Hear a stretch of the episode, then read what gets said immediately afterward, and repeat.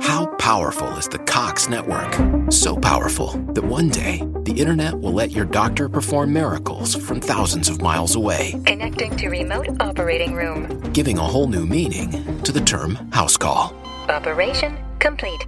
The Cox network, with gig speeds everywhere, it's internet built for tomorrow, today. Cox, bringing us closer. In Cox serviceable areas, speeds vary and are not guaranteed. Cox terms apply, other restrictions may apply.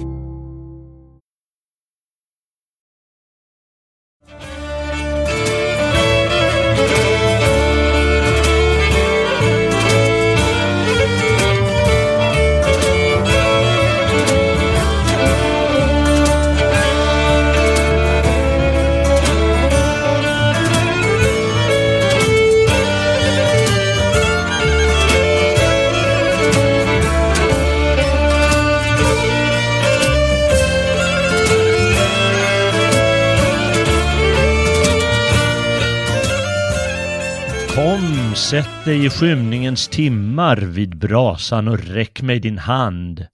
Där muras vårt slott som glimmar med hallar av glöd och av brand. Välkommen kära lyssnare till ett samtal om ännu en av våra stora diktare.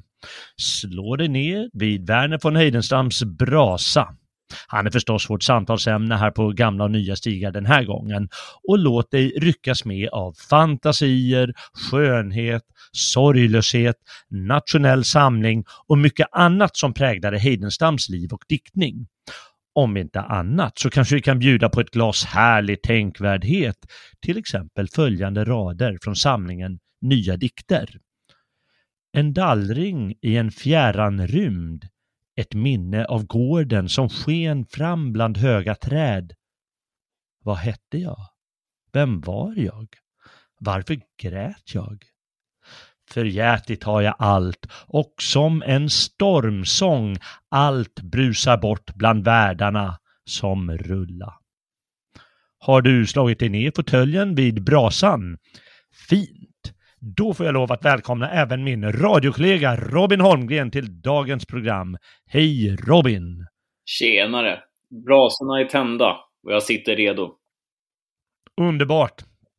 Eller hur? vi bara då ska vi be till, eh, jag vet inte vilken gud eh, vi har som är bra på att få elektroniken att eh, funka som den ska. det är lika bra att köra säkra kortet och chansa på Oden. Vi chansar, ja, vi, vi, vi, du menar vi tar inga chansningar utan vi, vi lägger vårt eh, hopp på, till orden där. Ja. Jajamän. Ja, för att för, lyssnarna ska förstå vad vi talar om så har vi, är det tredje gången gilt det här. Eh, Det, programmet la av två gånger. Jajamän. Ja, fick vi sitta och bara säga, äh, lägger vi ner det här. Ja, men Ja. Det, det bör ju funka nu, för jag har faktiskt spelat in några andra program som du säkert har märkt de senaste veckorna. Jajamän. Mm, vad bra. Ja, det är ju, jag tror inte jag har lagt ner så mycket tid på en podd förut som det här avsnittet. Så att det ska bli... Nej, det inte jag heller. Tidigare, nu, nu så här, det kanske är där vi, det, jag, jag bara vägrar nu, utan det får, vi tar det som det kommer. Det För min del i alla fall. Så jag har inte, jag har inte rört Heidenstam eh, på, på några veckor nu. Nej, inte jag heller alltså. Det, det blir ju lite så här konstigt på något sätt. Man, nu blir det ju så här förknippat med någonting negativt. Så här, ah, okej, nu kommer det strula igen. Och så tänker jag det så här, jag undrar, vad var det för några stycken som jag skulle läsa upp? Vilka dikter var det? Och så bara, just det, om den där, den är ju jä- jättebra liksom. Eh, Mhm. Mm. Ja, men då tänker man så här, försöker man lägga upp en planering att ja, men här borde den här dikten passa bra in. Mm. Ehm, men så bara, äh, vi struntar i det och så bara kör vi. Ja, se kör vi bara. Han kanske bara blir bättre av det, eh, Heidenstam. Det är inte helt oävet, för han är, eh, tycker jag, lite hänsynslös i versen. Han är alltså inte lika Ja. fin, snygg som, eh, som eh, de samtida hos honom. Han är, han, han är vissa skulle nästan kalla honom, klå, inte klåpare, men liksom behärskar inte formen lika snyggt som de andra, men jag tycker det ger en helt särskild njutning eh, när man läser honom. Han känns lite mer direkt ibland. Ja, han, han, är, han är väl kanske inte så originell som Fröding, men han, han kör sitt eget race. Det märks Ja, verkligen. Och sånt. eh, Ja. Mm. Och jag tror han är medveten om sina tillkortakommanden. Faktiskt. Ja, det är han nog. eh, Precis. Han tog nog igen det på annat sätt. Ja. Genom en sorts, inte aggressiv personlighet, men liksom personlighet som skulle svälja det ena och det andra och det tredje runt omkring sig. Mm. Ja, vi kommer väl in på det så småningom. Men eh, hur, eh, hur tycker du nu när de här eh, veckorna sedan vi försökte sist har, har smält lite och, och sådär. Hur tycker han han håller sig i jämförelse med alla andra? Stagnelius har vi haft, Fröding har vi haft och, och så vidare. Jag, jag tycker han skiljer sig, pre- precis som alla de tre du nämnde, så tycker jag han skiljer sig så mycket från så otroligt många poeter. Ehm, Mm. han, han är så himla unik på ett sätt som är, det, det är ganska spännande egentligen, för när vi tänker på nationalromantik så tycker Mm. vi att ja, men allting ska gå i, liksom, i samma blågula färger hela tiden. Mm. Men Heidenstam är faktiskt mycket djupare än det. Eh, och kan hitta en annan del av folksjälen som Fröding har hittat. Mm. ehm, som är väldigt spännande. Och även fast Heidenstam kan vara väldigt bombastisk, han ska kan vara väldigt, ja men som du sa, på, eh, liksom aggressiv.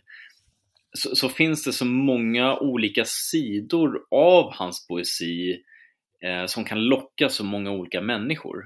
Mm. Ehm, Så att eh, är han en blågul poet, 100%. Men han är också sin egen och det är en väldigt intressant karaktär bakom poesin. Ja, och det finns ju ganska mycket sådana här, eh, man kallar kloka ord. eh, Ja, som är ganska små, korta dikter som, jag, jag har valt ganska många sådana idag eh, som jag hörde lite i början här, bara några rader. Det liksom Mm. ändå slår an något hos en, eh, tycker jag. Och eh, han har ju det, eh, ska vi kalla det problemet de senaste hundra åren drygt, eh, att eh, han blev lite, ja, i, i, slut, kring förra sekelskiftet, eh, då blev han, gjorde han sig själv till lite centralgestalt för den nya eh, nationalistiska eh, samlingen, ska vi kalla, kalla det för det? Jag menar, den här Ja. nationalromantiken hade blomstrat länge, framför allt inom måleriet. Eh, mm, och eh, sen så i, i litteraturen fick ju hela den en, en, en här, härlig våg under det man kallar 90-talslitteraturen då, under 90-talet alltså. Och Mm. då gjorde han sig till centrum för den eh, liksom, nationalistiska delen där. Och eh, det har ju inte fungerat när sossarna då, alltså ett socialistiskt parti, skulle göra sig till eh, nationens centrum se, lite, lite ett par, tre decennier in på 1900-talet. Eh, Och då Mm. mm. den här aristo, lite halvaristokraten, för att kalla honom för i alla fall, och mer konservativa personen, delvis ska vi kalla honom också, Heidenstam, han var ju inte alls så enkel att sätta i ett fack som du sa nyss. Och då så på något sätt, och dessutom hamnade han i, eh, i skuggan av Strindberg som blev den, den säkert med rätta också, den, den eh, främsta, räknades som den främsta författaren allt eftersom 1900-talet led framåt. Eh, Så Ja. Han är i alla fall absolut mest produktiv, Strindberg. Det, det kan man inte säga något om, har provat alla stilar och, och, och varianter och former och allt vad det är. Och då han ham- hamnar liksom i, en negativ låda, eh, Heidenstam, och det är väldigt olyckligt tycker jag. ja. ja, det är väldigt oförtjänt, tycker jag. Ja, väldigt oförtjänt, eh, oförtjänt eh, verkligen.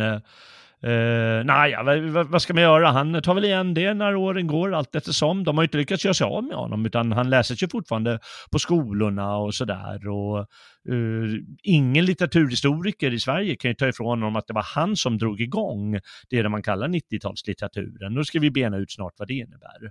Mm. Mm. Jag bara ska, medan jag kommer ihåg det, för det kanske jag glömmer, att eh, vi har ju tagit upp eh, Stagnelius och Fröding och nu Heidenstam och jag tog på egen hand eh, Lasse Lucidor från 1600-talet. Eh, och eh, då sa jag kanske, kanske vi bör ta en, en kvinnlig poet, en poetissa, eh, någon gång framöver. Mm. Och eh, du sa innan programmet här, jag kanske borde läst den här Nordenflykt eller, eh, eller, eller om man skulle ta Lenngren eller Edith Södergran är, har alltid varit populärt då, de senaste hundra åren. Eller Karin Boye eller vad man nu vill. Mm. Om lä- äh, lyssnarna har något förslag på någon poet de, eller poetissa då, som de gärna vill att vi ska ta upp, då kan de gärna mejla det på jalle.svegot.se. J-A-L-L-E svegot.se. Det gäller dig också Robin, du får också mejla om du vill. Okej. ja. Nåväl. Eh, Verner von Heidenstam för 1859 ska det väl vara. Eh, vem var han då? Och då ska vi se om jag eh, ska, ska läsa upp, jag försökt läsa upp tidigare. Jag tycker att eh, det står så roligt nämligen. Särskilt som han inom, när, när han blir lite en speciell figur för eh, nationalister. Mm. Då blir, eh, varje gång någon görs på det sättet, då hamnar de ju också i ett fack. Precis som vänstern satte honom i ett fack. Ja. Och då så har högern då en förmåga att sätta folk i fack också. För att det ska passa världsbilden. Mm. Och då blir de ofta för liksom, ensidiga. Oh, ja. Och när det gäller eh, Heidenstams eh, person så märkte de liksom eh, par, några årtionden in på 1900-talet att han var ju inte snyggast i stan liksom. Han var säkert en stilig figur och fick damerna med sig och publiken med sig men var inte alltid Guds bästa barn. Och om inte annat så väldigt egensinnig och jag tänkte jag skulle läsa upp den här karaktäristiken som vår vän Eugene eh, Napoleon Tigerstedt ger av honom väldigt stor och bra eh, litteraturhistoriker, kanske den bästa av dem alla eh, i Sverige. Och då, så, då står det så här, en halv sida ungefär. Heidenstam var som skapt eh, för denna mer skenbara än verkliga ledarroll, han gick i spetsen för 90-talisterna. Ättlingen av en under Adolf Fredrik adlad tysk borgarsläkt som poserade som ursvensk ädling Mm -hmm. Stockholmspojken som förvandlade sitt sommarnöje, släktgården Nordshammar vid Vättern, som han senare frivilligt sålde med god vinst, till sitt oförglömliga barndomshem. Den förlorade sonen som omskapade sin sträve, fyrbyggande och pekoralskrivande fader till en vitter och stoisk fritänkare och diktade den försoning vid dödsbädden som uteblev. Den kloke ekonomen och beräknande streben som spelade den svenska fattigdomens och den namnlösa odödlighetens apostel. Den neurotiska egocentrikern och misantropiska enstöringen som trädde fram som fosterlandskärlekens och hjältemodets hänförde siare. Den i förtid åldrade av dödsskräck och spökrädsla ansatte för sitt eftermäle ständigt bekymrade mannen som blev den höstmogne harmoniens och den vintersvala visdomens upphöjde tolkare var den svenska litteraturens största skådespelarbegåvning och regissörstalang, jämbördig med en Chateaubriand eller en Stefan Georg.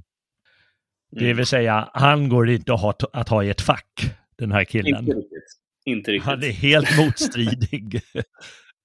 Visst, man spelar teater eh, mer än någon annan. Och, eh, det, det kunde Heidenstam också. Alltså han, man brukar, de brukar säga att han spelar teater större del av livet. Mm. Ja, så är det ju. Det, det, det, det var, väl stå för honom liksom att han gjorde det. Att han, han var liksom säregen och, och levde sitt liv. Och då, man, ska inte, man ska inte lägga honom i fack. Och om man vill göra det, får man ta dem de, vad ska vi kalla för, dikterna som man tycker är väldigt viktiga, eller de eh, romanerna som man tycker liksom har den nationella klangen och ägna sig, ja men han skrev ju det här och det är det jag tycker är coolt. Men inte Mm. försöka uppvärdera personen och säga att han var en ädel människa, för det, det, det är nog ingen som tycker att han var. Nej. Men det är, ju, det är spännande då också, för man kan ju alltid följa poesin. Poesin kommer ju ur det här djupet. Mm. Och det förändras ju såklart. Mm. Det är Mm. olika krusningar på vattenytan. Så att... Ja. ehm, ja, jag, Verkligen. tycker, Ah, jag, tycker det följer ju sin... Det är som olika kapitel bara. Ja, det är det. Så Och ingen kan säga annat än att eh, det är personlig. Eh, Mm. Både eh, poesin han skriver och eh, romanerna.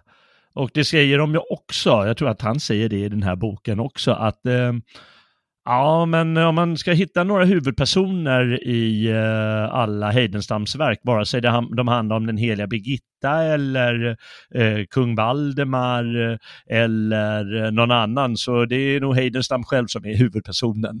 Ja, eller hur? Han finns nämligen där, ungefär som Strindberg ofta, han är ofta liksom huvudperson i många av sina böcker. Det är också en väldigt stark personlighet. Mm. Mm. Ja, Ja. Så eh, egensinnig, speciell, personlig och eh, skriver väldigt bra. Det är ingen som kan ta ifrån någon de saker. Ja, absolut inte. Tycker jag. Eh, vi kan bara säga något, jag nämnde några grejer där med Olshammar och så vidare. Bara liksom huvuddragen i hans liv kan vi ju eh, säga här på en gång. Så är det gjort också. Och eh, så är det här med Olshammar. Han eh, jag tror att han föddes där rent av. Det var hans bar barndomshem i alla fall. Och det ligger ju på nordvästra eh, Vätterns eh, strand. Mm. Eh, fast han levde stora delar av sin barn och ungdom också i Stockholm. Okej. Okay. Mm. Och eh, när han var tonåring då blev det vandringsår eh, runt medelhavsländerna, alltså de klassiska länderna, Italien och, och Grekland och även i Orienten. Han, hans eh, första diktsamling, den går ju alltså i Orientens tecken. Befinner han sig mm. där i, i Palestina och Jordanien och Syrien och sådana ställen och reser runt lite där. Ja.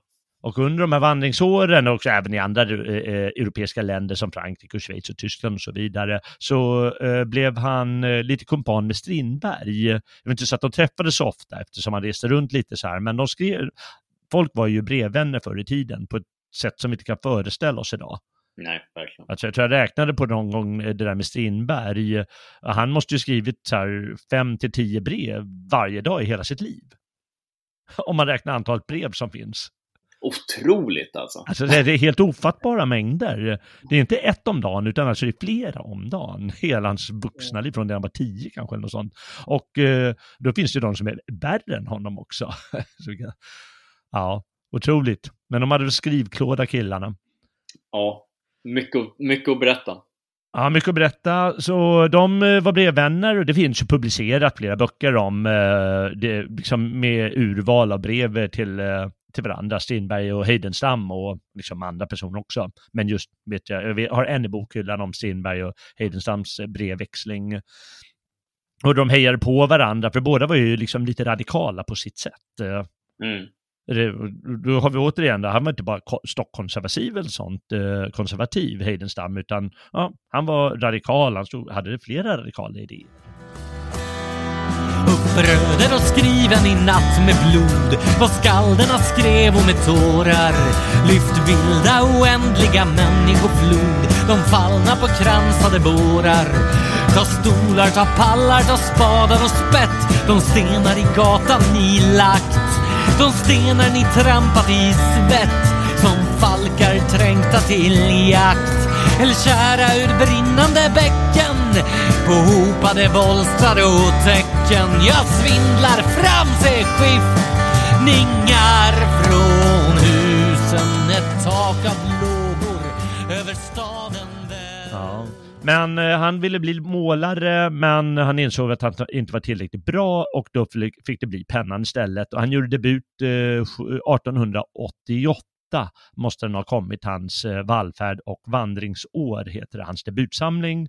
Och eh, den slog ju eh, den tände eld på litteratursverige lite och satte en ny agenda med liksom mer fantasi och skönhet och bort från den här samhällsproblemen som var inne att eh, skriva om på 1880-talet. Mm. Och så liksom, ja, rullade på med fler, både diktsamlingar och romaner, och novellsamlingar och eh, essäböcker och allt möjligt. Eh, och eh, då blev ju han eh, eh kändis helt enkelt. Mm. Förr i tiden blev ju eh, poeter kändisar helt enkelt. Eh, även skådespelare, skådespelare och så. Men nu är det ju ingen poet riktigt som blir kändis på det sättet. Men jag tycker det är häftigt att det var så då. Ja, man, jag tror man uppskattade konstverket betydligt mer än vad man gör nu. Eller ja, kanske man gjorde. Men uh, det var väl, det fanns ju inte tv sam, och liksom lika mycket press, alltså det fanns väl inte lika många att välja på. Nej. Kungligheterna var ju förstås kändisar och så. Ja, äh, Mm. de var det i alla fall. Och han var ju lite spektakulär, eh, vad heter han, eh, Heidenstam också. Ja, han hade flera fruar och flera, flera älskarinnor eh, hela tiden. Han, eh, det ska man kanske inte dra för mycket på, på den tiden, liksom, det var ju, man får ju aldrig glömma att det här var liksom högborgerlig tid.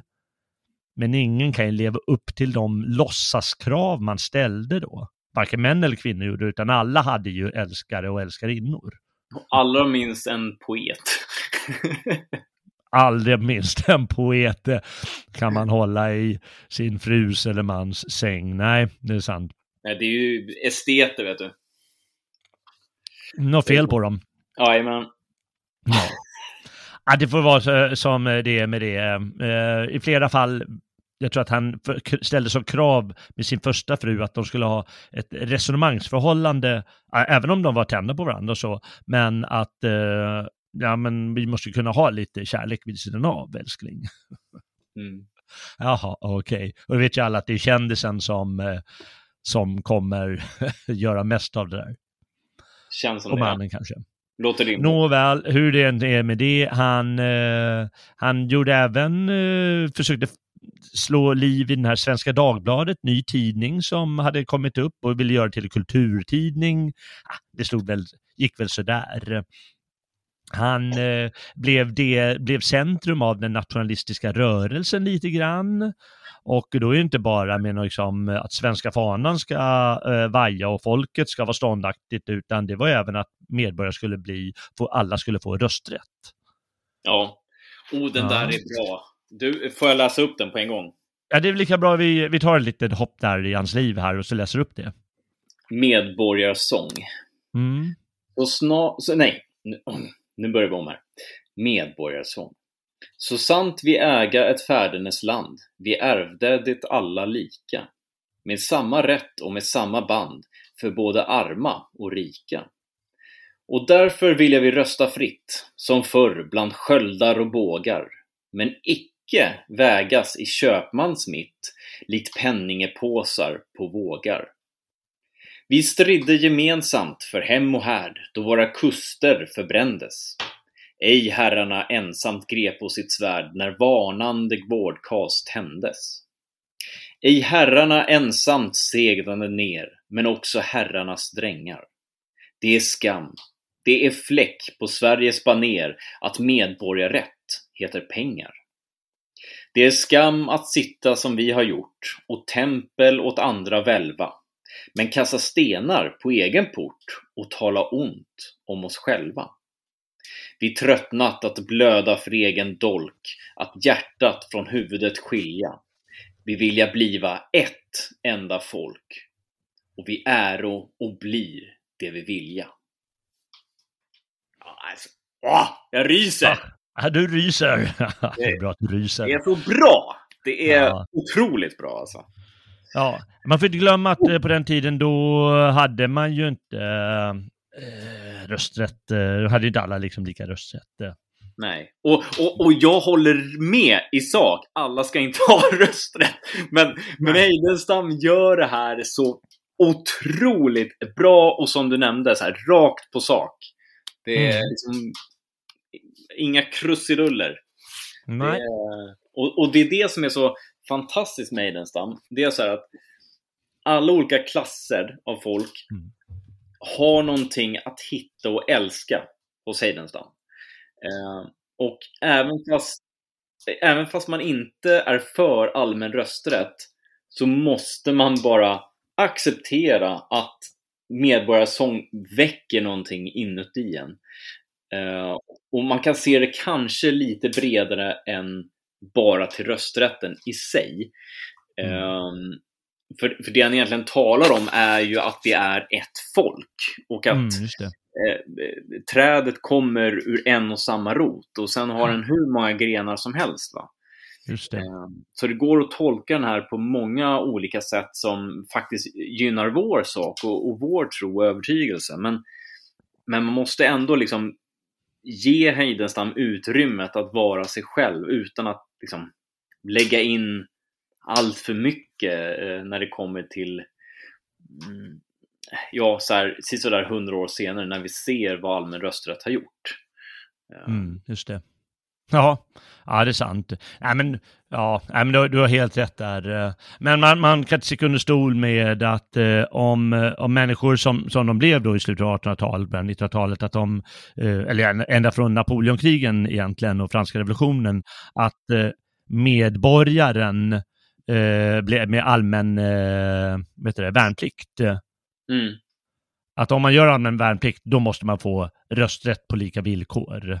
Alltså om Mm. jag är beredd att gå i döden och försvara, för att försvara landet och folket, eh, då måste ju min, då måste alla röster räknas lika på det sättet. Eh, Eller Ja. kanske bara de som ställer upp i alla fall, men inte att de som ställer upp för, med sitt liv, att de ska få en, en lägre grad av rösträtt. Eh, Det är väl det som är det viktigaste. Ja. Och det kom ju också då under den här tiden. Mm. Mm. Ja, nej, men det är bra att han, att han gjorde det bra att du säger allt det där, att det går faktiskt att, att, lä- läsa positivt och, och härligt idag också. Det, det tycker jag att man verkligen ska göra. Som många andra dikter. Men om vi går vidare på hans eh, livslina här, som han balanserade igenom snyggt, eh, så ja, det blev ju eh, akademi, han blev ju akademiledamot så småningom i Svenska Akademin. Eh, han var med om den förödande Strindbergfejden som han olyckligt och ovilligt blev, hamnade i centrum av. Mm. Och det var väl mer Strindberg också halka in på ett bananskal på det hela och satte igång liksom glöden tände lite extra när han kom in där. Och så blev det full kalabalik ett år eh, i alla möjliga tidningar och sammanhang. Vet du varför? Vad var Jag det som... Ja, men Strindberg han ville skriva av sig lite och skrev han dåligt om en Heidenstam-dikt. eh, Jaha, Och eh, då rullade igång det där. okej. Och jag kommer faktiskt inte ihåg vad tändvätskan var till det hela. Och, eh, Det var väl bara någon liten grej från början som inte hade med någon av dem att göra, men ja, halka in på den vägen som det brukar bli. Ja. Eh, Liksom kom, råka hamna där och så skulle blocka. Men det är den största litterära fejden i, i svensk litteratur och det är många som studerat. Det finns hur mycket som helst eh, eh, roligt. De var ju elaka på den tiden och det är faktiskt Ja. mycket roligare då. De riktigt, är riktigt elaka. I alla fall så här i efterhand är det ju kul att läsa, liksom. det kan man inte sticka under stolen med. Ja. Ungefär som karikatyrer för, är ju väldigt roligt att, lä- och, och se karikatyrbilder Jo. eh, från den tiden. Mm. Det finns ju en oförglömlig bild när de ska inta en, en, en, en borg där, eh, det är Svenska Akademin, där när David, eh, vet han, David, eh, Karl David av Wirsén, som Ja. var ledare för Svenska Akademin eh, och styrde med järnhand och, och hatade alla poeter i sin samtid egentligen. Och då är liksom, det är Strindberg och det är Heidenstam och det är Gustaf Fröding och alla ska försöka inta den här borgen. Och de ser ut som muppar allihopa, liksom, så här underbara karikatyrer. Ja. Ja, det är kul. Han eh, fick Nobelpriset 1916. Eh, ja, det kan han väl få. Eh, han var inte sämre än någon annan- på den tiden. Eh, han bosatte han lät bygga och bos, eh, bosatte sig på Övralid som ligger på eh, strax utanför Motala, lite norr om Motala. Och eh, då hade han nyligen skrivit sin sista diktsamling också. Mm. Ja, offentliga diktsamling i alla fall. Och så tystnade han mer eller mindre offentligt. Eh, Och eh, man kan väl se det som att han hade spelat ut sin roll då. Som vi sa, att han var ju främsta regissörstalangen och spe- skådespelartalangen i svensk litteraturhistoria. Mm. Och tyckte att det, det räcker med snack nu. Och sagt och gjort. Ja, han, han skrev lite på sin ålderdom, men det, han, han levde se, sitt sis, sena, sista åren i sitt liv med en dansk kvinna som heter Kate Bang. Mm. Eh, och eh, hon gav ut eh, lite eh, efterlämnade skrifter sen med, med dikter och lite säger och eh, en eh, konturer i alla fall av en självbiografi. Mm. Mm låt mig också bara säga här om, den, om, om man vill läsa om eh, hans eh, liv, här von Heidenstam, så kom det faktiskt, eh, det har kommit några olika böcker om honom eh, genom åren eh, och eh, 19, hur ska jag säga, 2000, ja, jag hittar det inte här, men för en 10 år, 10 till 15 år sedan ungefär. 2006, där står det. Eh, då kom eh, en bok av Per I. Gedin som heter Verner von Heidenstam, Ett liv. Och den gör verkligen rättvisa eh, för honom. Han är inte så kritisk, han är bara lite kritisk givetvis, som man ska vara, och, men han gör rättvisa på honom på bästa sätt tycker jag. Så den kan man verkligen läsa. Det är ju en så 650 sidor. Jag ser att jag, här har jag ett bokmärke i efter 400 sidor, då la jag visst av. En gång i tiden. Men det, det är ju bra att även en, en, en en så sen tolkning av honom ändå kan ge en någorlunda rättvis bild av honom. För det känns ju som att han har slitits runt lite. Ja, men det behövs ofta en, eh, det, det är ganska ofta de, det blir rättvisare. Liksom, om du är för nära i tiden, då kanske du mm. färgar av det, liksom att ja, men du var med och var positivt inställd och färgar det. Eller att du är liksom överkritisk för att eh, ja, men du Strindbergfejden är lite inpå så här fortfarande och nu ska vi tycka på det här sättet, utan när allt har lagt sig lite. Mm. Ja, men Nerva Sugla eh, flyger för att eh, eh, mörkret kommer då, då får man liksom, när, när man står vid horisonten får en lite bättre bild av alltet. Jo, men det, det, jag tänker är att det är som sagt, det, det är så lätt att liksom försöka placera Heidenstam i ett fack. Mm. Så att eh, det, det är väldigt schysst att man låter honom tala för sig själv, så att säga. Ja, även, ja, det... även i det, detta tidevarv. Ja, precis. Ja. Det finns fortfarande den här negativ, lite negativa inställningen. Eh, och det är bara politiskt, det är bara politiskt trams det där.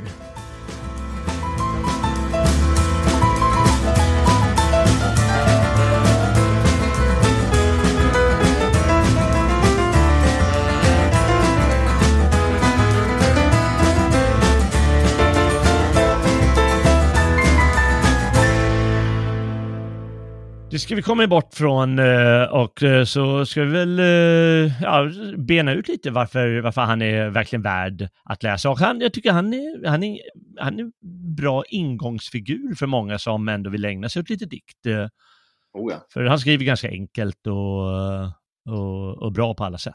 Så det tycker jag. Har du någon, kanske en favoritdikt av honom eller något sånt där? Oj, oj, oj, den är svår alltså. Alltså jag måste ju säga att jag tycker verkligen om den här eh, bombastiska hurra för Sverige-varianten. mm, ja, just det. Ja. Och det, det, finns så många som jag tycker är bra. Jag menar, Soldatsång, Åkallan och löfte. Åkallan och löfte måste ju vara en av de kändaste tror jag. Ja, men den är väldigt känd. Mm. Ja. Den ingår ju i samma lilla, det är en liten minisamling kan man säga, eh, som man skrev eh, tillsammans med Medborgarsång. Det, det är en fem, sex dikter. Ja. Just det. Åkarna eh. löfte bland annat. Mm. Och ropade tränne grallfolk, glöm den storhet du bäddat i jorden. Jag svarade, res dig, vår storhetsdröm om herraväldet i Norden. Den storhetsdrömmen lyster oss än att leka i nya bedrifter. Låt upp våra gravar. Nej, giv oss män i forskning, i färger och skrifter. Ja, giv oss ett folk på ett bråddjups rand där en dåre sin nacke kan bryta. Mitt folk, det finns annat att bära i hand än en breddfull egyptisk gryta. Det är bättre den grytan rämnar i tu än att levande hjärtat frostar. Och inte ett folk får bli mer än du. Det är målet, vad helst det kostar. Det är bättre av en hämnare nås än till intet se åren förrinna. Det är bättre att hela vårt folk förgås och gårdar och städer brinna. Det är stoltare våga sitt tärningskast än tyna med slocknande låge. Det är skönare lyss till en sträng som brast än att aldrig spänna en båge. Jag vaknar om natten, men kring mig är fred. Låt vattnen storma och sjuda. Jag kunde i längtan kasta mig ned som en bedjande stridsman av Juda. Ej vill jag tigga om soliga år, om skördar av guld utan ände. Barmhärtig öde, tänd blixten som slår ett folk med år av elände. Ja, driv oss samman med gisselslag och blåaste vår skall knoppas. Du ler, mitt folk, men med stela drag och sjunger, men utan att hoppas. Du dansar hellre i sidenvåd än tyder din egen gåta. Mitt folk, du skall vakna till ynglingadåd den natt då du på nytt kan gråta. Må främst du stiga, du dotter av nöd, som skygg ditt öga vill täcka. Så älskar vi dig, att vore du död, vår kärlek skulle dig väcka. Om natten blir sömnlös, om lägret blir hårt, vi svika dig ej på den färden. Du folk, du land, du språk som blev vårt, du, vår andes stämma i världen. Mm. Ja, men det är jag, jag, tycker också det är jättebra. Jag, tycker många vill ha det här att ja, vi ska vara pampigt. Vad menar han? Att vi ska gå under i krig eller? vad, vad, vad, menar han egentligen? Jag tycker, jag tycker det är ganska tydligt. Han, han berättar ju om kampen för ett folk. Och i det här fallet så talar vi faktiskt om alla tre folken. Danskar, mm. norrmän, svenskar. Eh, och det har helt enkelt att göra med att vi måste smida våra bojor, våra kedjor och sen släpper vi bort dem. Sen liksom vi, vi får dem att brista. Eh, och det blir den här återfödelsen hela tiden. Och det är det som jag tolkar när han talar om det här. Det handlar om att vi inte ska ta in någonting utifrån, utan det handlar om att vi ska förädla oss själva, precis som en mm. blomma som blommar, vissnar och dör och som lever upp igen. Va? Det är så jag läser det här. Jag, jag läser inte att åh, det är jättekul att eh, våra gårdar och städer ska brinna, mm. utan att det kommer någonting nytt efter att det har brunnit. Okej. Okay. Ja. Uh, ja, men det ligger väl mycket i det. Uh, jag tycker också att man kan slå fast vid att uh, innan man säger, ja, men det är inte så här överpampigt. Han säger till exempel, mitt folk, du ska vakna till yngliga dåd den natt du på nytt kan gråta. Ja. När folk har blivit för träiga, de kan, kan inte ens gråta längre. Nej. Att de är liksom känslolösa. Utan måste liksom till lite sann mänsklighet för att förädla sig också. Ja, ja men verkligen. Och sådana inslag gör att det, ja, eh, jag, tycker också, jag, jag, tycker det är väldigt bra. Eh, det, det, det, kan man inte, man kan inte säga något annat. Det, det, är en förhoppning om att, eh, så som jag tolkar det, det är en förhoppning om den här folkgemenskapen. Ja, Ja, det är det ju. Ja, här, här i Norden, en sorts för, förbrödring också. Jag säger ju själv att Sverige bör spela en huvudroll i det kanske. Eh, och att vi måste våga ta, liksom, ta den ledningen.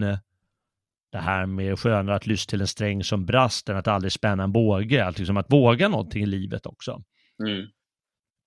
Och våga bli något och, och sig själv, som du säger, förädla sig själv. Och, det finns många, det finns många bra delar och dikten har ju blivit både lite sönderläst och lite sönder, eh, jag höll på att säga trakasserad, men att ja, oj, ja, men det är så pompöst eller sådär, att ja, ja, det är lite för nationalistiskt. Men jag tycker det är dumt, det är bättre att göra som du säger, att uh, läs det på ett vänligare sätt. Ja, men o ja. Alltså, jag, jag, tycker det klingar så väl i folksjälen, den här typen. Ja, ja men jag tycker också det klingar bra. Jag tycker verkligen. Eh, jag eh, vet inte vilka det var jag är mest förtjust av eh, hos honom. Jag tycker det spelar så stor roll vad man väljer, men jag vet att det, ganska många tycker att hans senare dikter mm. är väldigt bra och det finns väldigt många där som är tacksamma att läsa. Ja. Ja, jag tar, det är från den diktsamling som nya dikt, heter Nya dikter kom 1915. Jag tar ett par korta här, de är ganska korta de flesta här till exempel vårens tid. Mm. Nu är det synd om de döda, som ej får sitta i vårens tid och värma sig i solen på ljus och ljuvlig blomsterlid. Men kanske viskade de döda då ord till vivan och violen som ingen levande förstår. De döda veta mer än andra och kanske skulle de, när solen går, då med en glädje djupare än vår, bland kvällens skuggor ännu vandra i tankar på den hemlighet som bara graven vet.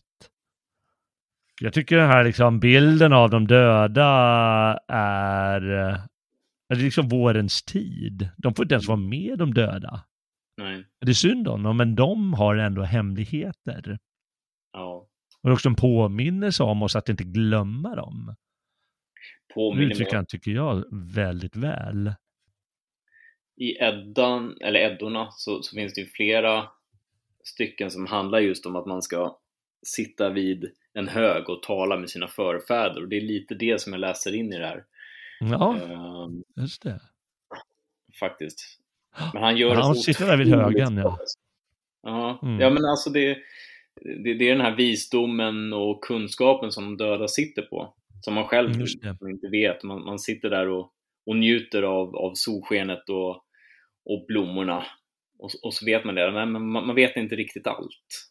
och Nej, så precis. börjar man Ja. tänka lite större. så, Okej, men vad är det jag inte vet och vem kan veta det som jag inte vet? Mm. Jag tycker det är, det är en väldigt det är en väldigt bra dikt det här som du tog. Ja, det är många bra här. Jag tar, jag tar en till när jag ändå är igång Mm. här, eh, eftersom de är så korta. Eh, vi människor. Vi som mötas några korta stunder, barn av samma jord och samma under på vår levnads stormomflutna näs. Skulle kärlekslöst vi gå och kalla. Samma ensamhet oss väntar alla, samma sorgsna sus på gravens gräs. Ah, man måste ägna sig åt lite kärlek va? Ja, Och lite liv. Han visste nog hur man gjorde. Ja, han visste förstås hur man gjorde det. Ja, ja, inte bara det andra könet utan liksom just livet. Att eh, ta tag i saker. Ja, men nu gör jag det här bara. Kosta vad det kosta vill. Ja. Ja. Du, när du ändå är inne på nya dikter så hoppar jag in också. Jag tar en du också där då. Kommer aldrig solen. Första gången i nya landet svearna möttes till midvinterblot. Runt i snögande skymningen brann det, på offerstenarna, mörka av sot. Då steg ett sol mellan ly- lyfta händer. Vart förde oss hövding, som fick vår tro? Vi är oss söner av solens länder. Vad förbröt vår stam att vi här måste bo? Kommer aldrig, kommer aldrig solen? Hövdingens svar över heden göd. I solens söner, minns vad jag bjöd. Ren snön edra tält begraver. I skolen bruka i längtan och nöd det land jag er givit haver. Och tunga tankar till lärospån, det blive arvet från far till son. Bebodd stod jorden, då gav oss hel sin ödemark till ägodel. Kommer aldrig, kommer aldrig solen. Och han och hans män blev och gråa av år och sattes i Uppsala högar. Men än bland folk en viskning går från tunga sinnen och mörka vrår när vinterskymningen snögar. Kommer aldrig, kommer aldrig solen. Alltså, jag tycker äh, den är så bra. Ja, det är faktiskt häftigt. Eh, han, eh, han, han har några fornnordiska eh, motiv i, i eh, några dikter där och lite historiska motiv i den här eh, Ja. eh, nya dikter. eh, Och eh, de är verkligen häftiga, jag håller med. Jag, jag tycker framförallt hans, hans, hans diktkonst, för den skiljer sig en hel del. Just den här Kommer aldrig solen, den skiljer sig en del från andra dikter. Eh, tycker jag. Det här upprepandet, det, det, den är så... Oh, ska man förklara det? Det är som att man har en, man är blind och har en sån här pinne framför sig och liksom bara petar lite framåt liksom. Mm.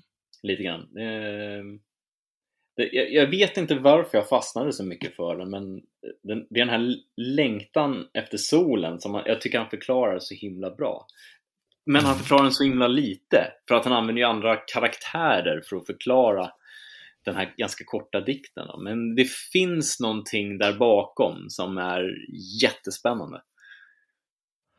Ja, ja men det gör det.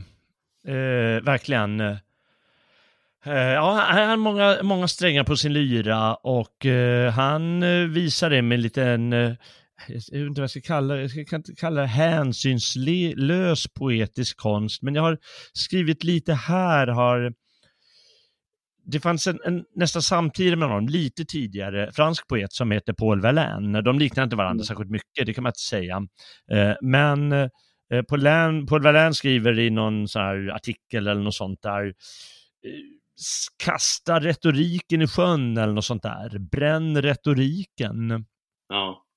Och eh, det fanns, eh, i mitten av 1800-talet så fanns det lite av en ledande nu ska jag säga litteratur, vi ska kalla det litteratursyn, men inom fransk poesi till exempel, att eh, man ska skriva med retorisk finess ungefär.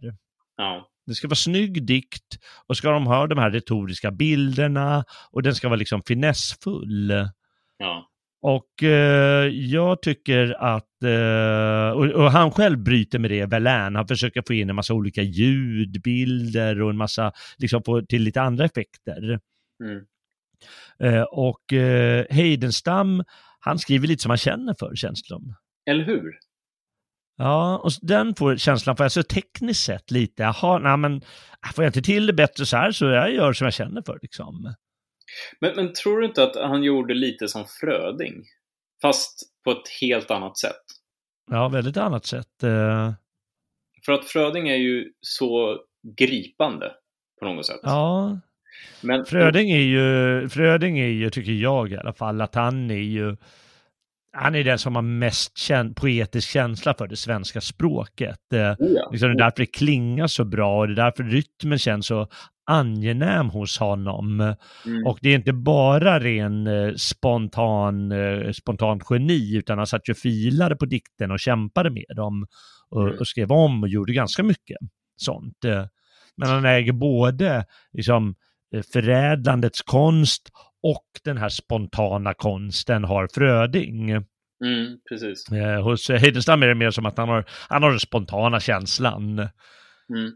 Han är som ett barn eh, och ja, men jag är nöjd med det jag gör som barn och han, han framhäver ju det barnsliga ganska ofta hos sig. Mm. Det är en viktig del av honom, att inte glömma det. Jag sa ju just det här med gråt, men liksom, en, som ett, en som glömt bort hur man gråter, han Ja, men han är inte värd. Ja.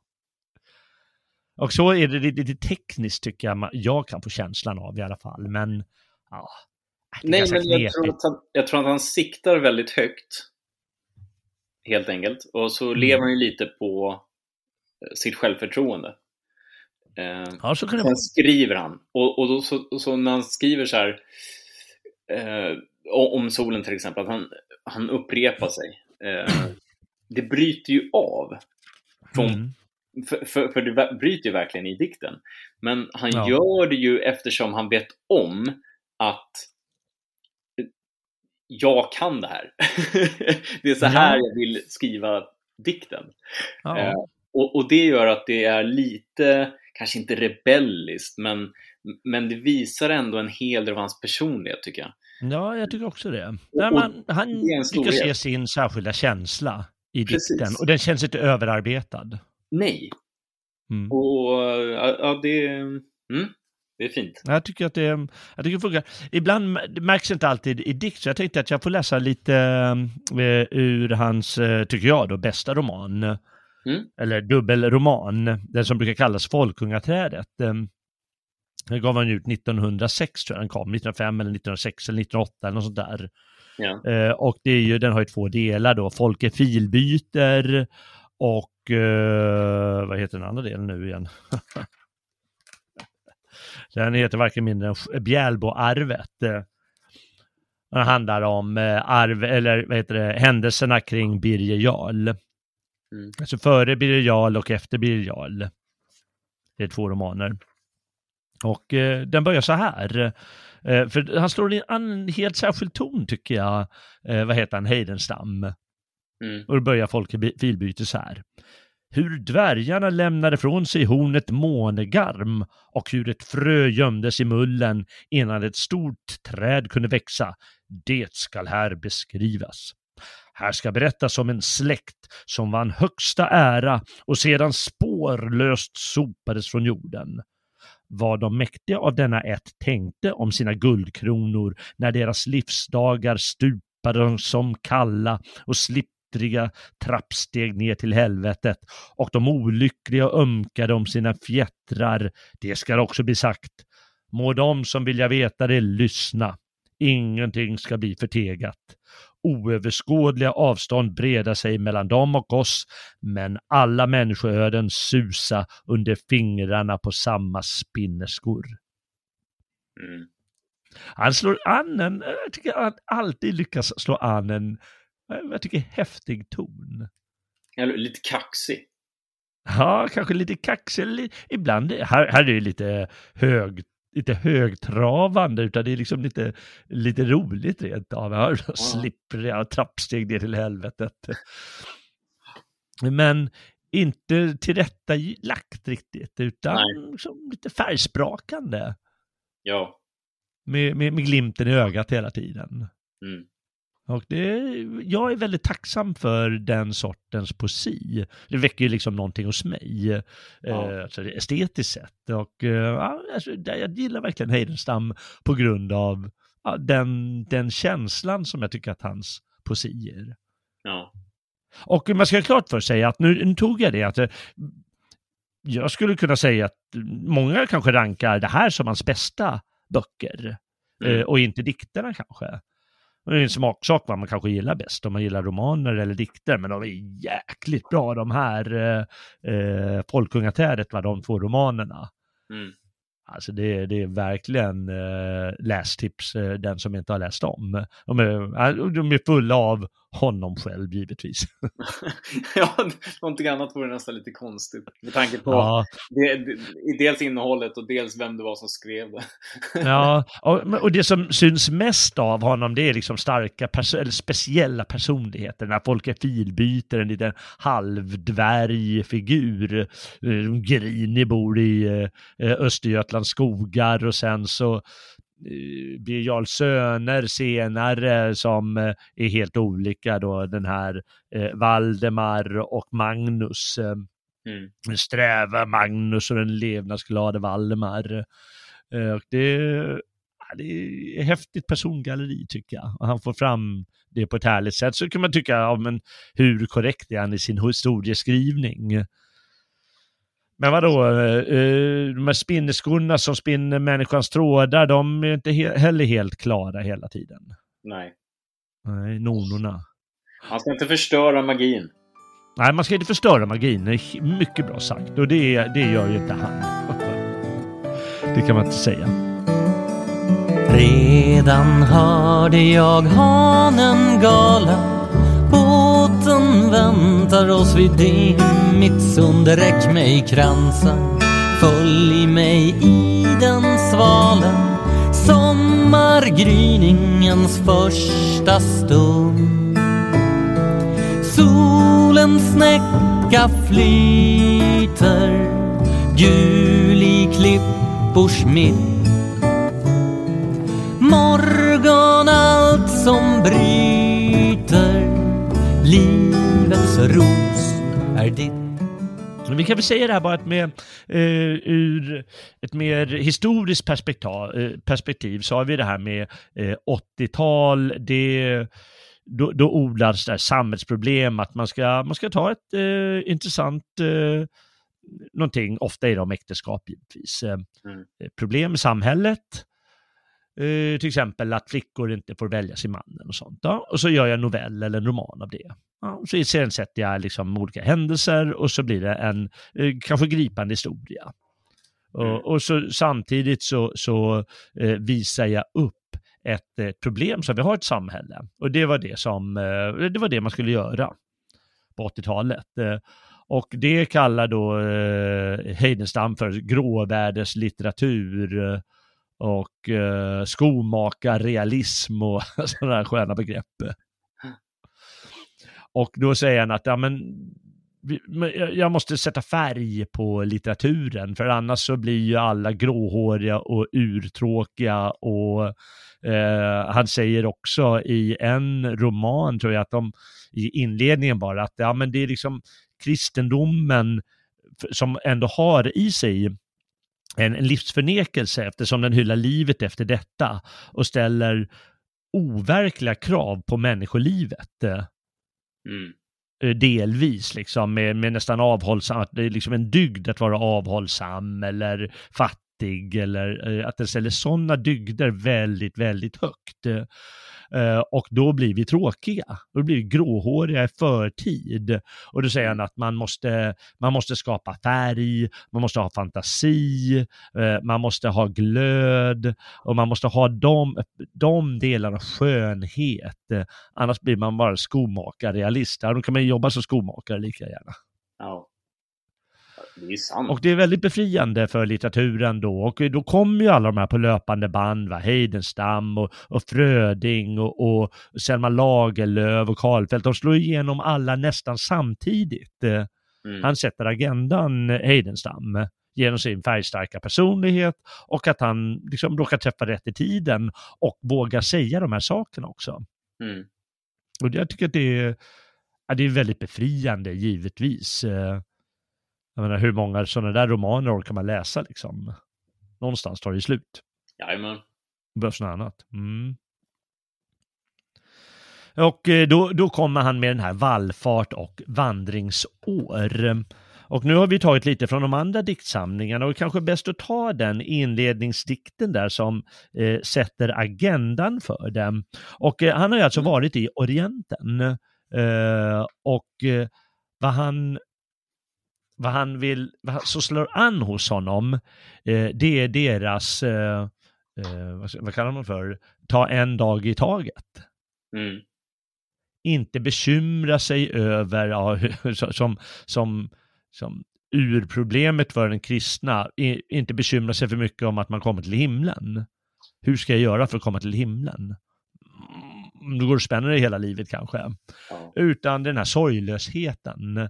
Och den sorglösheten bryter också av mot 80-talets vilja att sätta samhällsproblem under debatt. Och då målar han upp eh, en massa bilder från Orienten. Och jag tycker de är väldigt roliga. Eh, faktiskt. Mm. Och eh, då tar jag väl den här, den är, den är tre, fyra sidor. Moguls kungaring. Mm. Det är väl inledningsdikten tror jag. Och den går så här. Eh, sen hundra år försvunnen var Moguls kungaring. Man sökte den i brunnen, man sökte staden kring. Det där fick Hafed höra som stadens sopor bar. Han ställde soptunnan på öppna torget kvar. Att bära tunnan bröder blir tyngre år från år. Jag letar kungaringen och sätter på mitt hår. Ja, om man får kungaringen då blir man kung liksom. Ja. Med gräfta spett och spada han sökte dag och natt men gyllne kungaringen den fick han aldrig fatt. När han i soluppgången smög ut eh, längs husets vägg fick folket sed att pricka hans rygg med ruttna ägg. Han grät, han bad, han grävde. När han om kvällen fått turbanen löst vid badet var unga håret grått. Men Hafeds bror, Umballa, låg kvar på torget trygg. Han låg i zon som alla och skubbade sin rygg. Han snarkade åt myggen, åt lopporna han log. När bromsen kom för nära då såg han upp och slog. Mot fyra kopparslantar han soptunnan tog. Och var han syntes höll och för näsan alla män och alla dörrar föll och som av sig självt igen. Och månglaren sköt undan sitt salubord med frukt Ty fyllde soptunnan kvarteret med sin lukt. Han är sopgubbe liksom, han luktar inte så gott. Så snart han kom ur staden han skälpte tunnan kring. Bland vissna salladsbladen låg Moguls kungaring. Sen hundra år försvunnen för sol och hackas hugg, den krönte återfunnen Umballas svarta lugg. Ur stadens hästskoportar kom folket helgdags klätt och bagan som om natten sett syner var han sett, som drömt att mitt i degen han kungaringen fann och drömt sin dröm så länge att solen i fönstret brann, lät brödet stå i ugnen, sprang ut med lyfta tråg och stänkte mjöl så vägen låg vit så långt man såg. Och smeden som i grubbel lagt släggan vid sin fot han slog av fröjd i städet så luften yrde sot och tapetseran, vilken stått blek i pipans rök. Han lastade med silken och silvertyg sitt ök. Han kom och klädde tunnan med friska fikonblad, med pärlor och rubiner, med glimmande brokad och högt på tumma, tunnan bars vid Darabuckor stunder Umballa, Österns under. Nu sade segerdrucken Umballa till sin bror, när svarta livenucken med mjuka ibisvingen strök dammet av hans skor. Nå Hafed, kungaringen! Då knäföll bleke Hafed och glada, i glada skarans mitt med pannan tryckt mot jorden, men nu var håret vitt.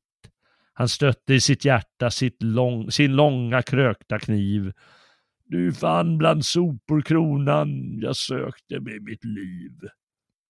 Umballa sett hon njuter all lyckans gunst sen dess. Är spel med trumf i ruter, så har hon ruter-S. Att Hafed lämnat söner, vet jag, som ung till år, idag i bibeln lägger mitt första gråa hår. Mm. Och det är alltså en, syl, en hyllning till sorglösheten, till eh, eh att inte, inte bara arbeta och sträva. Du har ju det här med, med, med den strävsamma faustiska mannen. Ja. Att inte bara göra det, utan ta dagen som den kommer, så faller lyckan dig i händerna. Ja. Och han lever lite grann han, han försöker ge det skenet att det är så han lever sitt liv, Heidenstam. Ja. Och i viss mån gör han väl det. Och uh, ja, när, när, man ser sånt på, på film eller läser uh, i romaner så det, liksom, det, det är befriande på ett särskilt sätt tycker jag. Mm. Inte bara bekymmer utan... Ja. Väldigt rolig dikt måste jag säga. Ja, det är roligt uh, tycker jag. Och det tycker jag, det, det låter han liksom i, i sina första dikter och en eh, roman som heter Endymion som kom 1890 eller sånt där. Mm. Nej, då, då utspelar de sig i Orienten, många av de här eh, dikterna. Och eh, roliga bilder. Och han har blivit väldigt eh, känd hos litteraturhistoriker, eller känd, men liksom, litteraturhistorikerna tar för ofta fasta vid han, han lyckas måla upp eh, scener mm. eh, bra. Ja. För det kan förloras lite i dikt, diktens rytm och rim och allt vad det heter. Men han, han lyckas få pregnanta, starka eh, scener tycker jag. Det, det ja. gör han bra. Det håller jag med om. Mm. Eh, ja, det var Umballa det, men eh, du kanske har något, eh, något svenskare än Umballa? Uh. Ja, som du tycker liksom, eh, klingar svenskt. Det behöver inte vara att det är nationellt som den här Åkallaren och löfte som du läste, utan eh, kanske någon annan känsla som du får fram. Ja, men då kör vi lite svensk melankoli. ja, det är perfekt. Eh, ur dikten Bildskäraren.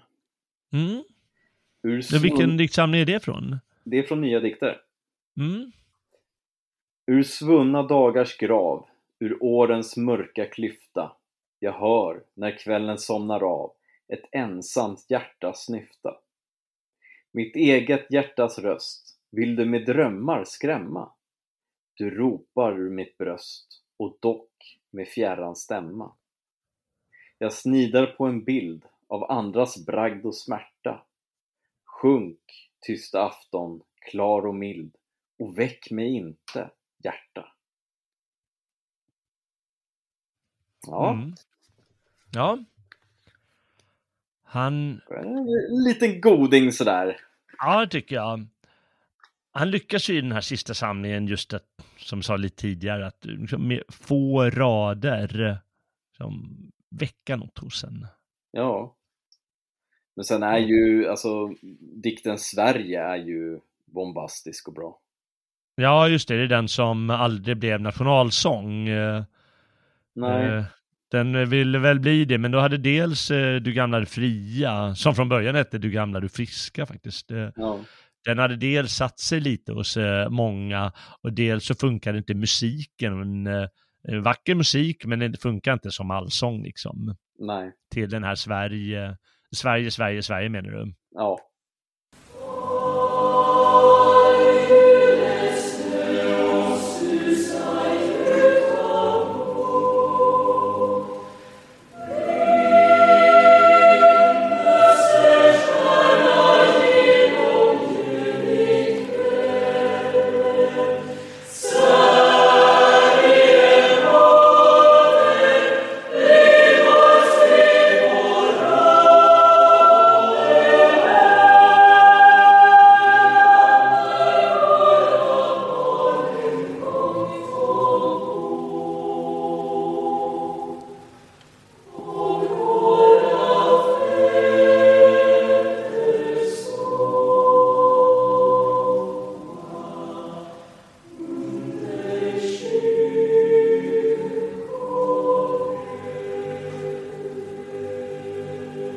Kanske ska ta den när du ändå är igång. Ja, men det är det jag tänkte. Ja, för guds skull. Sverige, Sverige, Sverige, fosterland, vår längtans bygd, vårt hem på jorden. Nu spelar skällorna där härar lys av brand och dåd blev saga, men med hand vid hand. Svär än ditt folk som förr de gamla trohetsorden. Fall julesnö och susa djupa mo. Brinn österstjärna genom junikvällen. Sverige, moder, bli vår strid, vår ro. Du land där våra barn en gång får bo och våra fäder sova under kyrkohällen. Mm. Så det hade blivit en väldigt kort nationalsång, får Ja, man säga. det kanske det hade blivit. Mm. Men, eh, men eh, väldigt vacker. Eh, Vack, eh, vackrare text i alla fall än eh, Du gamla du fria. Ja, men, men den är ju också, den är ju stympad liksom. Vad tror du den är? Den är ju stympad, Du gamla, du fria. Ja, stympad. Du menar med de två andra, men de är tilldiktade senare av en annan eh, poet faktiskt. Ja, men de passar ju så himla bra in. Ja, det gör de i och för sig. ja. Ja, det är sant. Ja, det får vi väl eh, ägna ett annat program åt eh, nationalsånger eller någonting. Det är faktiskt ga- ganska spännande ämnen då. Ja, det är det. Vad, Det är vad är det som det ska förmedla? Och, ja. Mm. Ja, faktiskt. eh. Och Ja, det här alltså, jag det, det har- förmedlar ju det svenska, eller liksom bara liksom lite upplyftande i alla fall om det svenska och eh, som fäderna ska få sova och barnen ska få en bra framtid. Och det är ju något som våra politiker är sämst i världen på att Mm. komma ihåg. Jajamän. Jag pratade just eh, med eh, min vi, eh, vid middagsbordet hur man läser i amerikanska blad hur, hur någon kvinna så här måste klättra in i fönstret på ålderdomshemmet för de vägrar släppa in henne för att hon vill säga sista ord till sin mamma som håller på att dö. Men fattar hur sjukt. Ja. Eller för att inte tala om hela den här eh, ålderdomshemstragedin eh, där de blir sjuka på grund av att man Ja, man pratar det är jätteviktigt att eh, hålla ordning på det här viruset men sen liksom på ålderdomshemmen låter man släpper vind för våg liksom. Både i Sverige och i New York och, och eh, olika ställen ja Hänsynslös mot de gamla och struntar om, i de ungas framtid. Det har vi också påminns eh, nu, liksom, när, behöver man inte tycka om men den här lilla eh, gangsterrapparen, eh, svenska gangsterrapparen som fick skott Mm. i morse, när vi, den dag som vi spelar in det här. Men det visar ju liksom att, jaha, men hela den här kriminaliteten visar att de struntar fullständigt i barnens framtid. Bryr de sig inte ett smack om sossarna och de andra i riksdagen. Nej, men det är ju samma sak med det här med könsgalenskapen, att man ska få välja sitt kön när man är unge liksom. Det, Ja, ja det är ju också liksom. Vad, vad händer med barnet? Vad händer med tankar och, och, om framtid och allt vad det är? Det är fullständigt förryckt och eh, de skälet till att de inte bryr sig det är för att de inte får det här, de får inte den här dikten matad i sig varje dag. Skulle de behöva. Ja, men faktiskt. Mm. Och, och, det är viktigt att påminnas om det där eh, eh, faktiskt. Eh, Och det är därför hela den här folkkänslan tycker jag är så viktig. Det är att då påminner man sig hela tiden om ens förpliktelser ja, oh ja. på ett vackert sätt. ja, vad var det du sa i, i eh, podden där om de, de dygderna med Magnus? Plikten jag sa före mycket, allt. men du kan påminna mig. Ja, men eh, du, ni pratade en hel del om plikten. Eh, som begrepp och vad Mm. det betyder. Ja, just det. Ja. Jag måste säga, jag kommer faktiskt inte ihåg. Ja, Jag får lyssna igenom, men det är säkert något sådär. Så det är ju ens plikt givetvis att bry sig om något sånt. Ja men det är ju det. Och det är ju faktiskt det. det, det finns ju en anledning till att saker har varit som de har varit. Mm. För, förmodligen för att det har fungerat under väldigt många år. Eh, så, Men Mm. så ibland så kommer det upp nya idéer och så är de jättedåliga och så brinner hela jävla världen ner. Och så börjar man om igen. Eh, Ja, börjar man om igen. Vi, det är ju det vi håller på och gör. Vi håller på och, och startar det hela igen. ja. Oh, Det fria oh, Sverige. du, nu kommer jag på, jag har en jättebra dikt eh, som passar in här. Ja, Den är lite längre än de flesta. Ska, ska jag sätta mig upp här. Eh, och tappa mikrofonen. ja. det hör till. Sådär. Då Mm. ska vi se. Eh, Dikten heter Den sovande systern. Och den är från eh, Dikter. Mm. Den diktsamlingen alltså. Mm. Ren står i dörren med morgonsolen röd.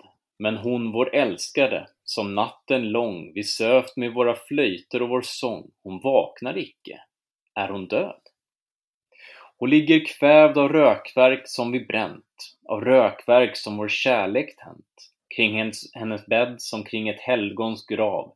Vi hava fåfängt hennes lemmar täckt med hennes systers ännu varma dräkt. Den glider kyld från hennes axlar av i hennes livlöst öppna famn. Och Sverige är den dödas namn.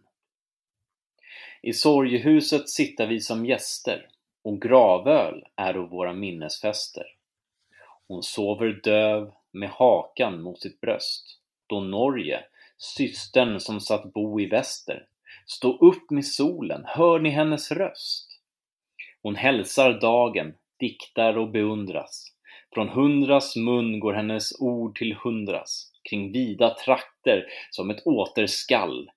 Men den vi älska sover kall. Låt oss gå bort och ej vår ungdom öda på tomma liktal eller suck och ve. Bryt skoningslöst sönder flöjten, modigt knä. Vem vill väl spela visor för de döda? Vi luta ej vårt feberheta änne mot bräst, som döden har gjort hårt och kallt. Må vi i livets vimmel glömma henne, som dog, som var vår älskade, vårt allt. Vår bärning söka vi vid andras port. De fråga oss, vad har ert hemland gjort? Är det ej målet för er ärelystnad, er kamp, er levnadsvärv i smått som stort? Vi svarar dem med bitter tystnad. Vad har jag sagt? Hur tomma våra år? Hur halvt blev allt? Var funnes hemmets trevnad, om långt från hennes bygd förflöt vår levnad? Av våra flöjter bildar vi en bår och lyfte henne som hon ligger sträckt. Vi viskar sakta över huvudgärden om hur det redan dagas över världen. Vi kastar undan hennes lånta dräkt. Vi trampar rökelsen till döds med ånger. Vi bära henne under glada sånger ur husets kvalmiga alkover till dörrens tröskelsten där dagens vind och första ljusning färgar hennes kind. Den jungfrun är ej död, hon sover. Ja, du kunde ju inte valt en bättre dikt alltså. Eller hur? Alltså, ja, den satt ju perfekt där, det måste man faktiskt säga. Otroligt. Ja, hon sover bara, Svea. Jajamän. Mm. Jag måste säga Det att den här, den här, det här är nästan en av mina absoluta favoritdikter faktiskt. Det det är Ja. det, någonting som jag tycker Heidenstam är väldigt duktig på. Det är att Mm. Verkligen komma in i, jag ska inte säga folksjälen, men, men det är en ton som han slår in på, som han fortsätter spela på under hela diktens gång. Ehm, att han får till den här, det blir nästan som som den här trumman som man lyssnar på, den här takten, du vet. Mm. Ehm, som inte ger vika, utan man, man hänger med från första bokstaven till sista genom hela dikten, oavsett hur lång den är, Mm. eller hur kort. Ehm, och, och, och det, är verkligen en av hans storheter, tycker jag. Att han, han kan Ja. verkligen fånga en. Och det är lite på Han ett annat fångar sätt. den. Det är som. Han slår an en ton och eh, den sitter kvar så att man faktiskt eh, verkligen vill eh, man, man vill veta hur det går. Eller hur? Man, man veta mer. Man, vill, man, man, man kan Ja. inte bara sluta. Ja. och det är precis egentligen som Fröding. Du kan inte sluta läsa Fröding. Nej, det är verkligen så att han, ja. Men, Nej, det, men det är ett annat sätt liksom. Men det, ja, men det är ett annat sätt. Ja, det är det. det är en annan ton men samma, samma plonkande eller plinkande eller vad fan det nu heter. Mm, mm. Eh, Mycket känd när det gäller sån här, eh, vad ska man säga, känslan för det egna och så vidare är ju en annan dikt som heter Hemmet eh, från samma diktsamling. Mm. Och eh, då skriver han, eftersom den börjar jag längtar hem till skogen, och då klingar det lite från hans eh, första diktsamling här, Vallfart och vandringsår, Mm. eh, för utöver de här dikterna om Umballa och grabbarna, Ja. eh, så har han en, eh, ett avsnitt som heter Ensamhetens tankar. ja. Och det brukar de också säga att det var ett nytt inslag i svensk dikt, liksom korta, som man kallar centrallyriska dikter, eh, alltså i jag-form, Ja. där man gör en kort reflektion över någonting och sina känslor och sina tankar och här då tankarna i ensamhet. Mm. Och då är det ju en berömd som heter just Jag längtar stenarna där barn jag lekt och så vidare. Och det är den som Strindberg i Strindbergfejden eh, gör, gör mos av, Ja.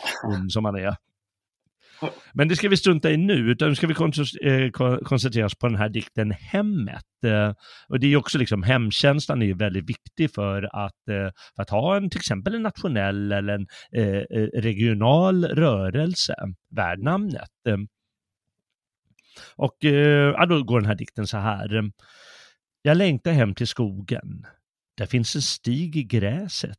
Där står ett hus på näset.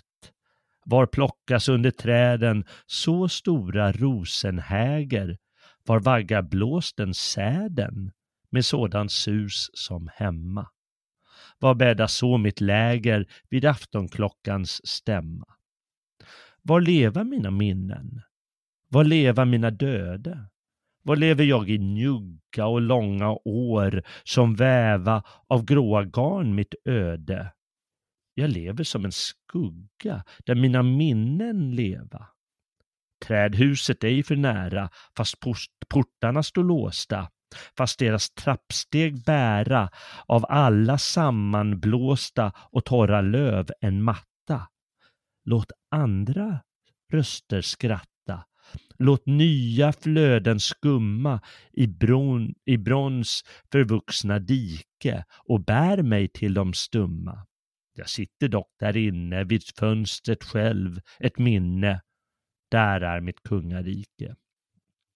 Säg aldrig att de gamla, när de sitt öga sluta, att de vi övergiva, att de som vi förskjuta snart doft och färg förlora, likt blommorna och gräsen, att vi ur hjärtat riva ett namn som från din ruta ett gammalt damm du blankar.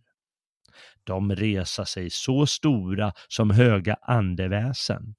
De överskygga jorden och alla dina tankar som hur din lott är borden var natt till hemmet vända likt svalorna till nästet. Ett hem. Det är det fästet vi rest med murar trygga, vår egen värld, den enda, vi mitt i världen bygga. Mm. Ja, de gamla finns kvar där och eh, det är liksom en, utgör en viktig del av hemmet. eh. Ja. Men där, alltså, jag kan inte undgå att tolka det också utifrån Sverige. Alltså, Mm. vi- visst är det ganska lätt ändå? Det här med Ja, det kan det att vara. resa murarna och... Det kan man göra om man vill. Ja, jo, det, det är sant. Det, kan- ja, det, det är faktiskt eh, det är sant. Det är inget problem. Jag vet inte om det var det som upptog hans tankar just då, men, eh, men eh, visst det är lätt att... Nej, men när man läser de senare dikterna liksom, så ser man ju... Det går ju att se en röd tråd, så att säga. Mm. Men det, att den är fin, den här. Ja, ja, jag tycker det är fint. eh.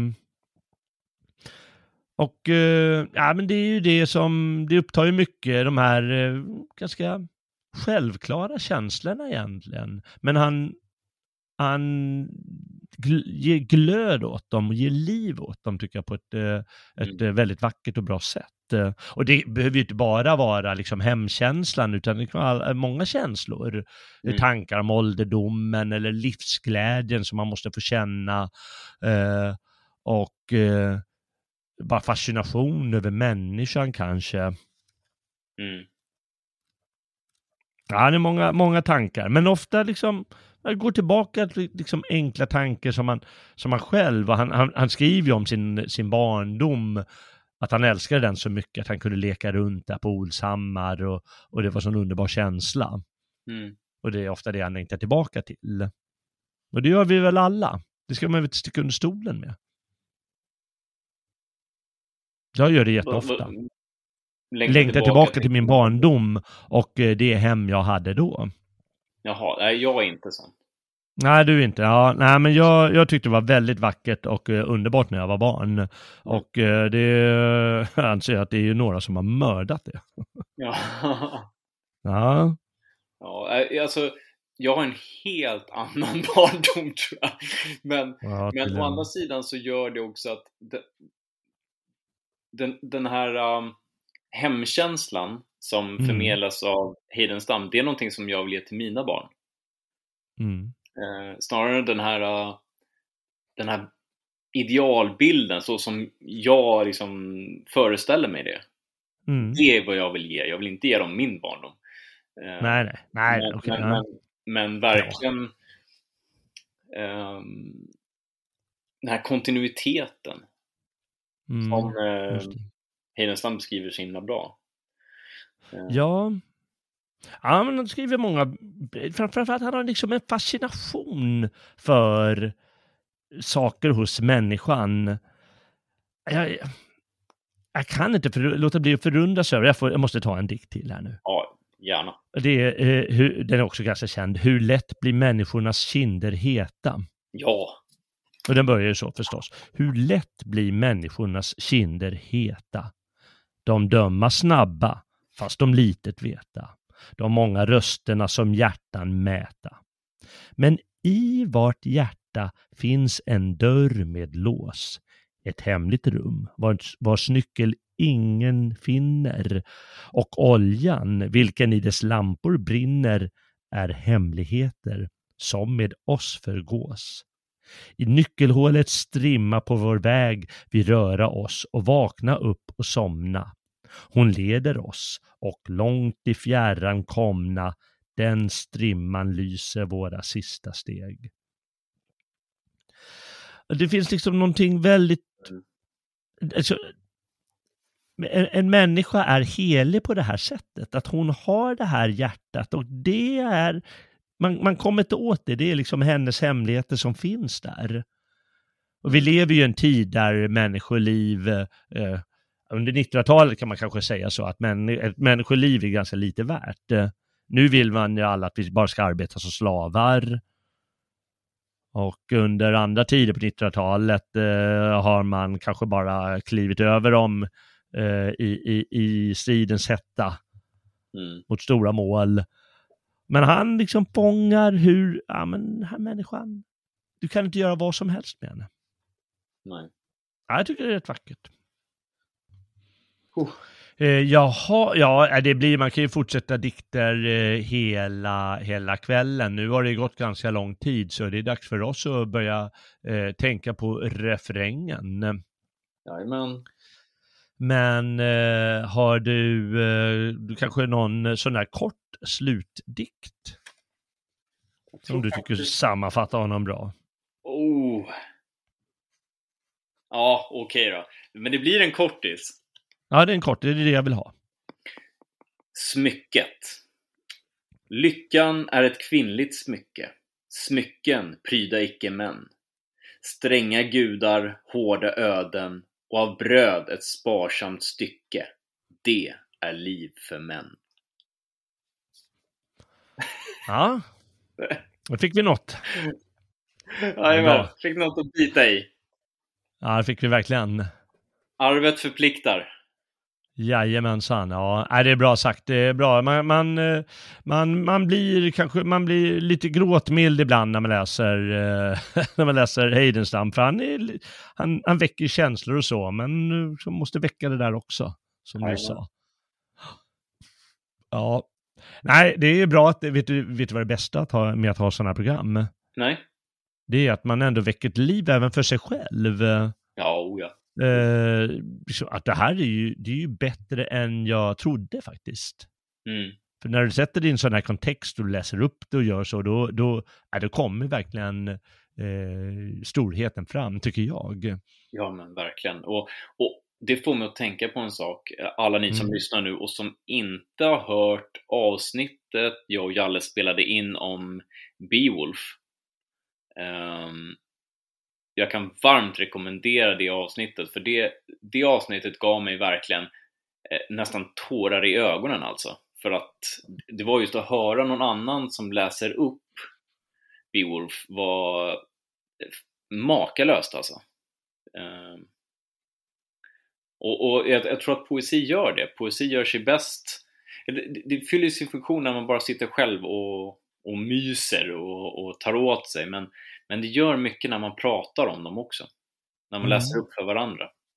Ja, det gör det verkligen. Det, det, det romaner gör också, men förr i tiden då läste ju folk, familjer satt ju och läste romaner Ja, tillsammans. Det var inte alls ovanligt. Eh, Det gör ganska mycket den där högläsningen. Jag Vet mer när de läser för sina barn att det är en skön grej liksom. Ja, du har helt rätt i det. Eh, Då, då kan man gå tillbaka, jag tror att de ligger under Svegot plus. Mm. Men jag är inte säker. Men man får kolla i antingen Svegot plus-programmen eller på gamla nya stigar. ja. Så hittar man väl det om Beowulf. Ska man vara helt ärlig så har vi gjort många riktigt bra avsnitt faktiskt. Ja, På den gamla goda tiden. ja det kan ju också eh, eh, lyssnare om de vill skriva in och säga att ja, men det där det tycker jag var det bästa programmet. Då kan de gärna göra det. Det finns nog ingenting som skulle glädja oss så mycket som eh, om, de gjorde, om någon gjorde det. Precis. Det bästa vi gjorde var för ett år sedan. Det, det ja. känns bra. Just det, ja. Men hörni killar, ni var ju bättre förut så eh, antingen tar ni er samman eller så lägger ni ner. Det inte Så kan en skriva om man vill. Varsågod. Vi tål allt, vi är ju ändå män. Jajamän. Ja, Och hårt bröd Eh. och lott. ja. just det. Oh. Jaha, ja, nej, men då får vi väl framför allt, allra mest får vi väl eh, tacka Heidenstam för att han visade sig att han eh, var faktiskt en riktig dunderpoet eh, och eh, vi hoppas att han verkligen lever vidare hos det svenska folket. Hur mycket eh, sossar och andra försöker eh, eh, bränna upp honom eller lägga honom i glömskans fack. Jajamän. Och det kommer han att göra också, för eh, det starka, det lever vidare. Eh, Vad de än försöker göra med det. Jajamän. Mm. Hell Heidenstam. Ja, Hell Heidenstam. Eh, stort tack Robin för din eh, medverkan den här gången också. Eh, vi kommer nog att återkomma med något eh, hejdundrande program så gott vi kan framöver. Eller hur? Alltid. Alltid. Alltid redo. Eh, tack eh, också du som har lyssnat och, och, varför inte kära lyssnare ta en tur till Övralid och, och, och sätta dig vid Werners grav och följa hans uppmaning enligt några av hans sista ord i jordelivet. Eh, Sätt dig vid min grav en stund. Där är så tyst och ensamt. Tala till mig vänligt, stilla, som till en som ej kan svara. Mig förunnades det ofattbara att som människa få leva några år på jorden. Gläd dig du som än ser solen. Tack för att du har lyssnat och följt med på gamla och nya stigar den här gången. Och tack också du som är stödprenumerant på Svegot. Och om du inte redan är stödprenumerant men uppskattar vad du har hört så får du gärna stötta oss på Svegot genom en stödprenumeration eller en donation. Gå in på svegot.se och klicka dig fram den vägen. Och sprid också gärna det här programmet bland vänner och bekanta. Då bidrar du till ökad bildning och ökad glädje och kunskap eh, eh, här i världen och framförallt då bevarande av vår tradition av konst och bildning och eh, stora poeter. Jag heter Jalle Horn och tackar för uppmärksamheten. Jag hoppas vi möts på nästa vandring. Väl mött Frände.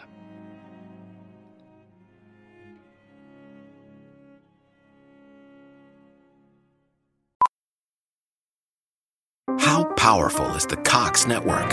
So powerful that one day the internet will let your doctor perform miracles from thousands of miles away, Connecting to remote operating room. giving a whole new meaning to the term house call.